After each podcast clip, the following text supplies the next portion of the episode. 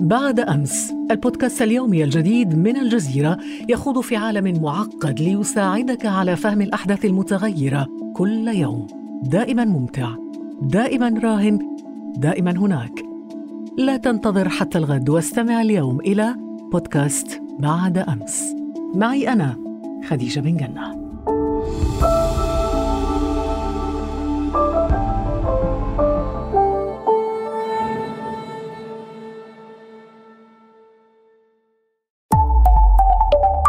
الجزيرة بودكاست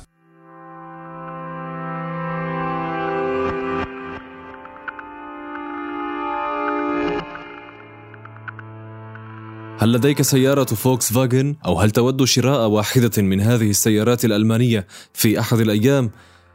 ربما تشعر بالغبطة عندما ترى أحدهم يقودها بسرعة وثبات على الطريق. لكن ماذا لو علمت أن هذه الشركة قد خدعت الجميع قبل بضع سنوات؟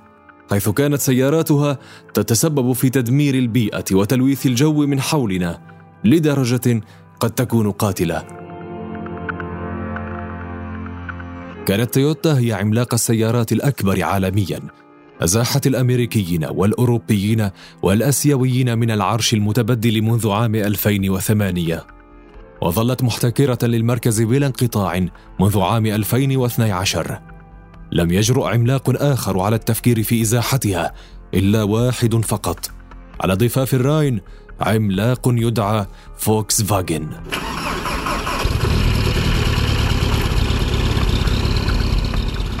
كان الأمر بالنسبة لفوكس فاجن مشوار ألف ميل يبدأ بخطوة.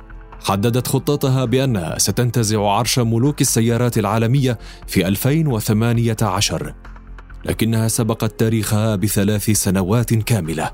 وفي 2015 أصبحت الشركة الأولى عالميا لربع عام.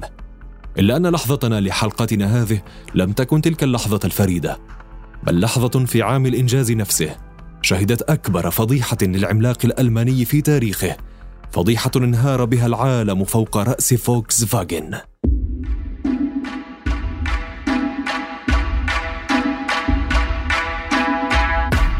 أنا فريد وهذه حلقة جديدة من برنامجكم لحظة بعنوان فضيحة فوكس فاجن كيف يدمر التطور البشري عالمنا؟ يقدمه لكم بودكاست شبكة الجزيرة. لن ينسى أحد من العاملين في فوكس فاجن يوم الثامن عشر من سبتمبر لعام 2015 أبدا.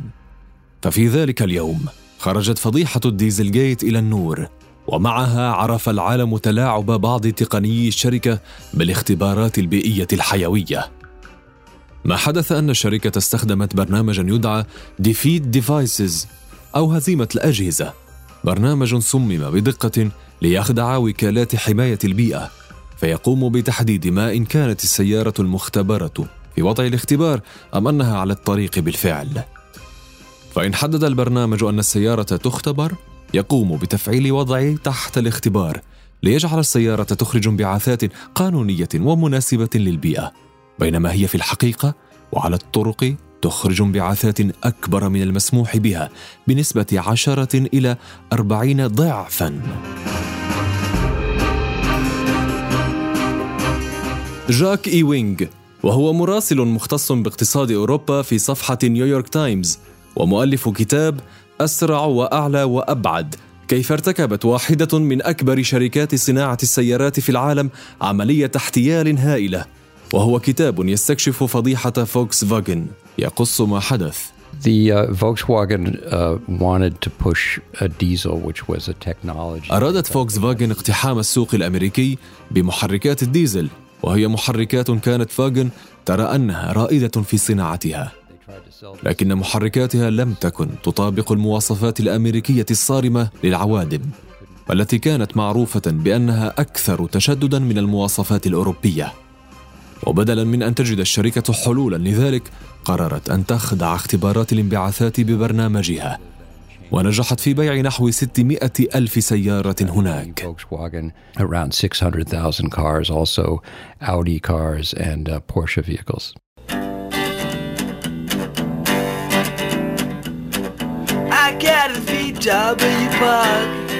بعد الفضيحة اضطرت فوكس فاجن لسحب معظم سيارات الديزل خاصتها مع غرامات قدرت بسبعة وثلاثين ألف دولار تقريبا على كل سيارة بإجمالي يقترب من ثمانية عشر مليار دولار.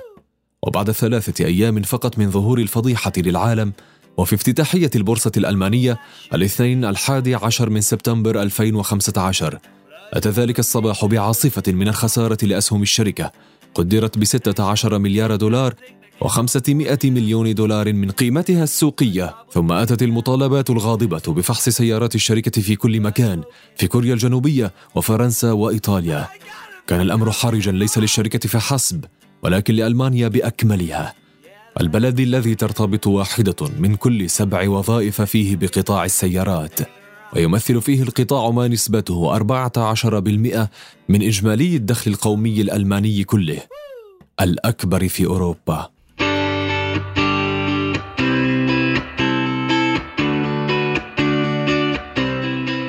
إذا كانت فضيحة واسعة لكن أبطالها الحقيقيين لم يكونوا وكالة حماية البيئة الأمريكية بل كانوا مجموعة شباب مثلكم. هل سمعت عن دان كاردر من قبل؟ بدأ كل شيء قبلها بأكثر من عام ونصف العام. مجموعة صغيرة جدا من الباحثين والطلبة الجامعيين يقودهم دان كاردر شخص سيصبح حديث العالم في يوم وليلة. ويشغل منصب المدير المؤقت لمركز أبحاث الوقود البديل والانبعاثات والمحركات المعروف اختصارا CAFEE التابع لجامعة غرب فيرجينيا. قامت المجموعة بإجراء اختبارات على سيارتي ديزل لفوكس فاجن مع سيارات الثنائي الألماني الآخر مرسيدس وبي أم دبليو واكتشفت نسب الانبعاث شديدة الضرر والعالية لتفشل فوكس فاجن بمفردها في عبور الاختبارات وقد اختبرتها المجموعة في المختبر وعلى ثلاثة طرق أمريكية مختلفة السرعة لتستطيع اكتشاف خداع البرنامج الألماني الذكي. They had this equipment that they could attach to the back of the car that would um. خلال اختباراتهم اكتشف الباحثون بأنه عندما تسير سيارة الديزل من إنتاج فوكس فاجن على الطريق تنتج انبعاثات أكبر بأربعين ضعفا مما تنتجه عندما يتم وضعها على منصة اختبارات الانبعاثات في وضع الثبات لم يستطع الطلاب حل اللغز لكنهم نشروا نتائج دراستهم عام 2014 ومن هناك بدأت كرة الثلج بالتدحرج.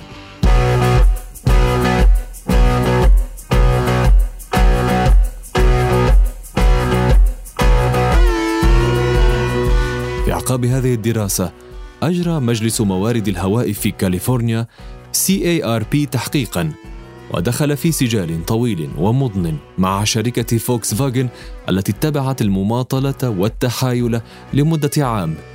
إلى أن اعترف أحد موظفيها الكبار بأن الشركة كانت تغش الاختبارات بالفعل. And they then engaged in a cover-up that lasted almost a year. ثم انخرطوا في عملية تستر استمرت لعام تقريبا وكان مجلس الموارد الجوية في كاليفورنيا من يقوم بمعظم أعمال التحقيق ويتواصل معهم كانت فوكس فاجن تقوم بغلق ملكيتها ومنشآتها في وجه موظفي المجلس ومفتشيه بأوامر قضائية لمصلحتها. ثم قدمت الشركة أعذارا لمدة عام. ثم في أغسطس عام 2015 نفدت الأعذار وتوجه مسؤول تنفيذي من شركة فوكس فاجن إلى شخص ما أحد كبار الأشخاص في هيئة موارد كاليفورنيا الجوية في مؤتمر في كاليفورنيا. وقال له نحن نغش. And said, We're cheating. أطلق إشعار وكالة حماية البيئة الأمريكية الفضيحة للعالم وتداولتها كبرى وسائل الإعلام. وقتها كان في العالم نحو 11 مليون سيارة لفوكس فاجن تعمل بالوقود الخفيف الديزل. وجميعها كان متلاعبا به أي أنه كان هناك 11 مليون سيارة تطلق أكسيد النيتروجين السام في الهواء بمقدار أكبر بكثير من المسموح به حسب المواصفات الدولية And in my German words, we have totally screwed up.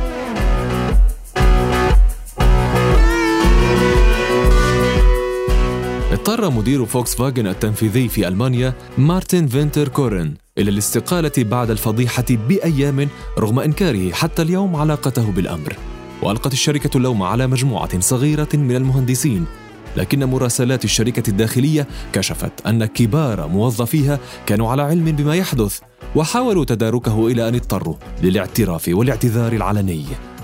وتم رفع دعاوى جماعية في الولايات المتحدة وكندا وقامت وزارة العدل الأمريكية بإجراء تحقيقات جنائية أفضت لإدانة وسجن عدد من موظفي الشركة الكبار الذين تواجدوا على أراضيها. دفعت الشركة حوالي 22 مليار دولار عقوبات وغرامات بما في ذلك أربعة مليارات وثلاثمائة مليون دولار لتسوية القضية التي رفعتها وزارة العدل الأمريكية كما وافقت على تعويض العملاء الأمريكيين وإعادة شراء أو إصلاح طرازات الديزل المزودة بالبرنامج غير القانوني. هبطت أسهمها من 160 مليار دولار أمريكي إلى 110 مليارات في حوالي ثمانية أيام بعدما انتشرت الفضيحة. وامتدت العاصفة إلى دول أخرى تضمنت بريطانيا وإيطاليا وفرنسا وكوريا الجنوبية كما ذكرنا وكندا وسويسرا وأستراليا وألمانيا نفسها بطبيعة الحال وأعلنت بعض تلك الدول عن فتح تحقيق أو عن منع بيع هذه السيارات فيها طال التحقيق الأمريكي أيضا بعد فضيحة فوكس فاجن شركات السيارات الأخرى مثل بي إم دبليو ومرسيدس وكرايزلر التابعة لفيات وغيرها لكنه لم يمس بالمطلق بأي من شركات السيارات الأمريكية.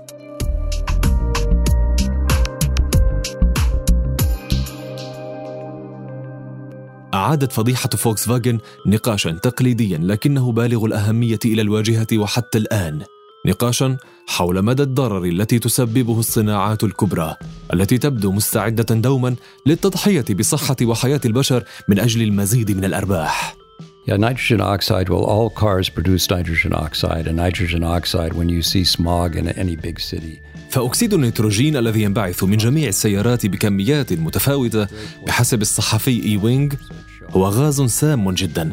فعندما نرى ضبابا ودخانا كثيرا فوق المدن فهذا هو بالضبط أكسيد النيتروجين. يتسبب أكسيد النيتروجين في عدد من المشاكل الصحية وأيضا الوفيات المبكرة إذ تشير دراسة للاتحاد الأوروبي بأن هناك مئة حالة وفاة مبكرة لكل ألف شخص. كما تشير الدراسات إلى ما يسببه أكسيد النيتروجين في زيادة نوبات الربو ومشكلات القلب وكذلك سرطان الرئة.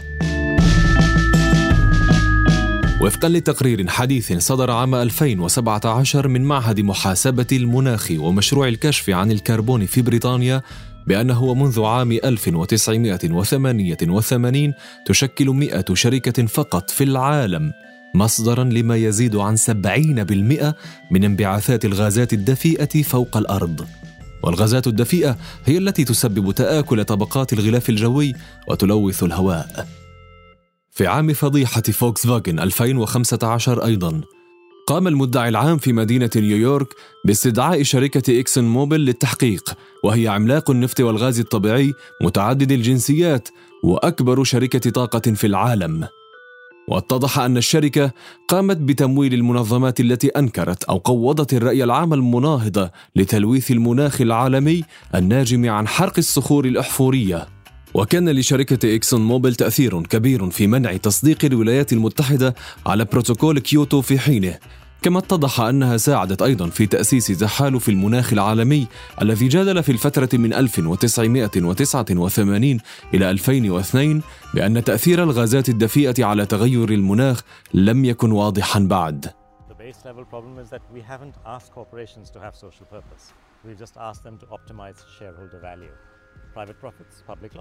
كان هذا صوت بافان سوخديف.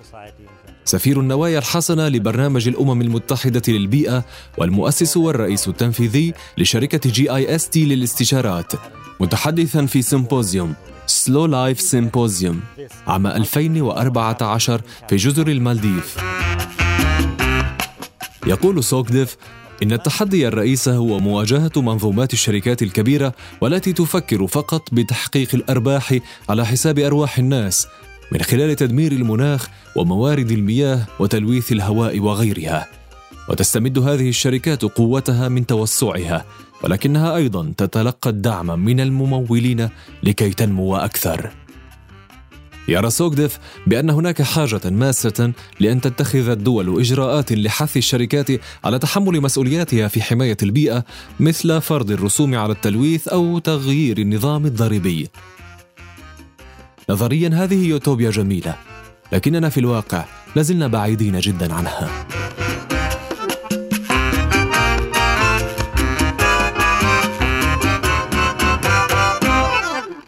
هناك اتفاقيتان دوليتان مهمتان في مجال حماية البيئة بروتوكول كيوتو عام 2005 واتفاقية باريس 2020 وقعت على بروتوكول كيوتو 192 دولة. التزمت بتثبيت تركيز الغازات الدفيئة في الغلاف الجوي عند مستوى يحول دون الإخلال بآلية عمل الغلاف الجوي السليمة واللازمة لهواء نقي للبشر. ويلزم البروتوكول الدول الصناعية على الحد من انبعاثات الغازات الحرارية.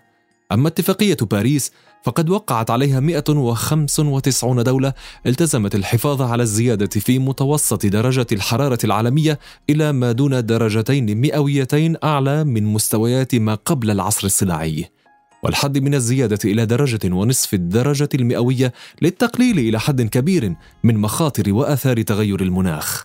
لكن الولايات المتحدة أحد أكبر مصنعي العالم انسحبت من الاتفاقية وغرد ترامب على تويتر بأن التغير المناخي هو من أكبر الخدع الحالية وأن الصينيين قاموا باختلاقه لعرقلة الاقتصاد الأمريكي. The United States will withdraw from the Paris Climate Accord. كانت أكثر الجمل ترددا في أعقاب إعلان ترامب هي الدولة الأكثر تلويثا للمناخ تنسحب من اتفاقية باريس. تشير الإحصاءات أن بلدان العالم الأول هي من أعلى الدول إنتاجا لثاني أكسيد الكربون والغازات الدافئة. الدول العشرة التي تنبعث منها أعلى نسب ثاني أكسيد الكربون في العالم في 2011 هي الصين والولايات المتحدة والهند وروسيا واليابان وألمانيا وكوريا الجنوبية وإندونيسيا والمملكة العربية السعودية. الدول العشرة الأوائل التي تنبعث منها الغازات الدفيئة في 2002 هي الصين والولايات المتحدة والبرازيل وإندونيسيا وروسيا والهند واليابان وألمانيا وكندا والمكسيك. وبالرغم من مساهمة الدول العربية القليلة في احترار الكوكب والتي لا تتجاوز خمسة بالمئة فقط إلا أن آثاره المدمرة ستمر حتما منها. لكن الكوارث البيئية لا تقتصر فقط على فضيحة فولكس فاجن أو طمع الشركات العالمية أو تلويث الهواء وإنما تتعداها على الأقل بالنسبة لنا في المنطقة العربية لمخاطر أوسع Again, if you look into what happened in Chicago, the Arctic vortex dropping down, the instability of the jet stream, these may be linked to climate change. كان هذا نديم فرج الله مدير برنامج تغير المناخ والبيئة في معهد عصام فارس للسياسة العامة والشؤون الدولية في الجامعة الأمريكية في بيروت والذي يحدثنا عن العواقب الوخيمة للتغيرات المناخية على منطقتنا العربية حيث عواصف الغبار فترات الجفاف الطويلة الفيضانات والعواصف المطرية كلها تتسبب بأضرار جسيمة للمنطقة The delta is, is, is threatened with, it's already eroding without, you know, uh, climate change. يحذرنا نديم من المخاطر التي تهدد الدلتا المصرية مثلا والتي تتآكل. فالسد العالي يسحب جميع الرواسب. بينما يرتفع سطح البحر مما يهدد بابتلاع أجزاء أكبر وأكبر من الدلتا. ومن جهة أخرى يقوم المزارعون هناك بضخ المزيد والمزيد من المياه ومن ثم تفريغ الأراضي منها.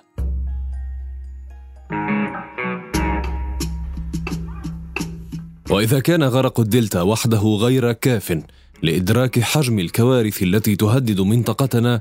إليكم المزيد. تقول وكالة ناسا إن المنطقة العربية تعاني من موجة جفاف هي الأكثر قسوة منذ ألف عام. Look, the entire Arab region is at risk, and they are dif- they're- they are subject to different risks. بينما يكمل نديم مروره على مخاطر نفاد وشح المياه في الأردن ولبنان هو شح يتنبأ به العالم الذي يحذر بعضه بعضا من اقتراب دخولنا في حرب مياه طويلة وعالمية. حرب قطعا ستكون منطقتنا العربية ذات المساحة الصحراوية الغالبة جزءا أصيلا منها. بينما يأتي تنين التغير المناخي الذي يصفه ترامب بالخدعة ليطل برأسه على دول الخليج متمثلا في ارتفاع مدهش لدرجات الحرارة عاما بعد عام. ارتفاع يؤثر على كل مناحي الحياة وربما في بعض الأحيان يقتل بعض البشر.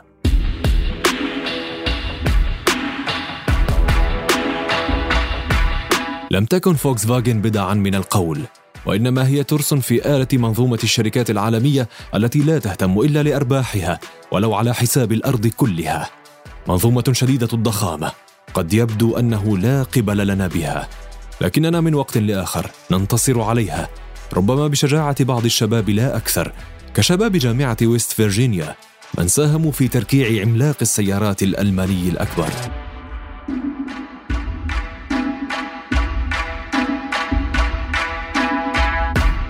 في الحلقة المقبلة من بودكاست لحظة سنتناول لحظات أخرى غيرت حياتنا بشكل مختلف وربما في مجال مختلف أيضا. انتظرونا الأربعاء المقبل لتتعرفوا على اللحظة القادمة. ولا تنسوا زيارة موقعنا على الإنترنت podcast.aljazeera.net ومشاركة هذه الحلقة مع أصدقائكم. كان معكم في هذه الحلقة فريد. إلى اللقاء.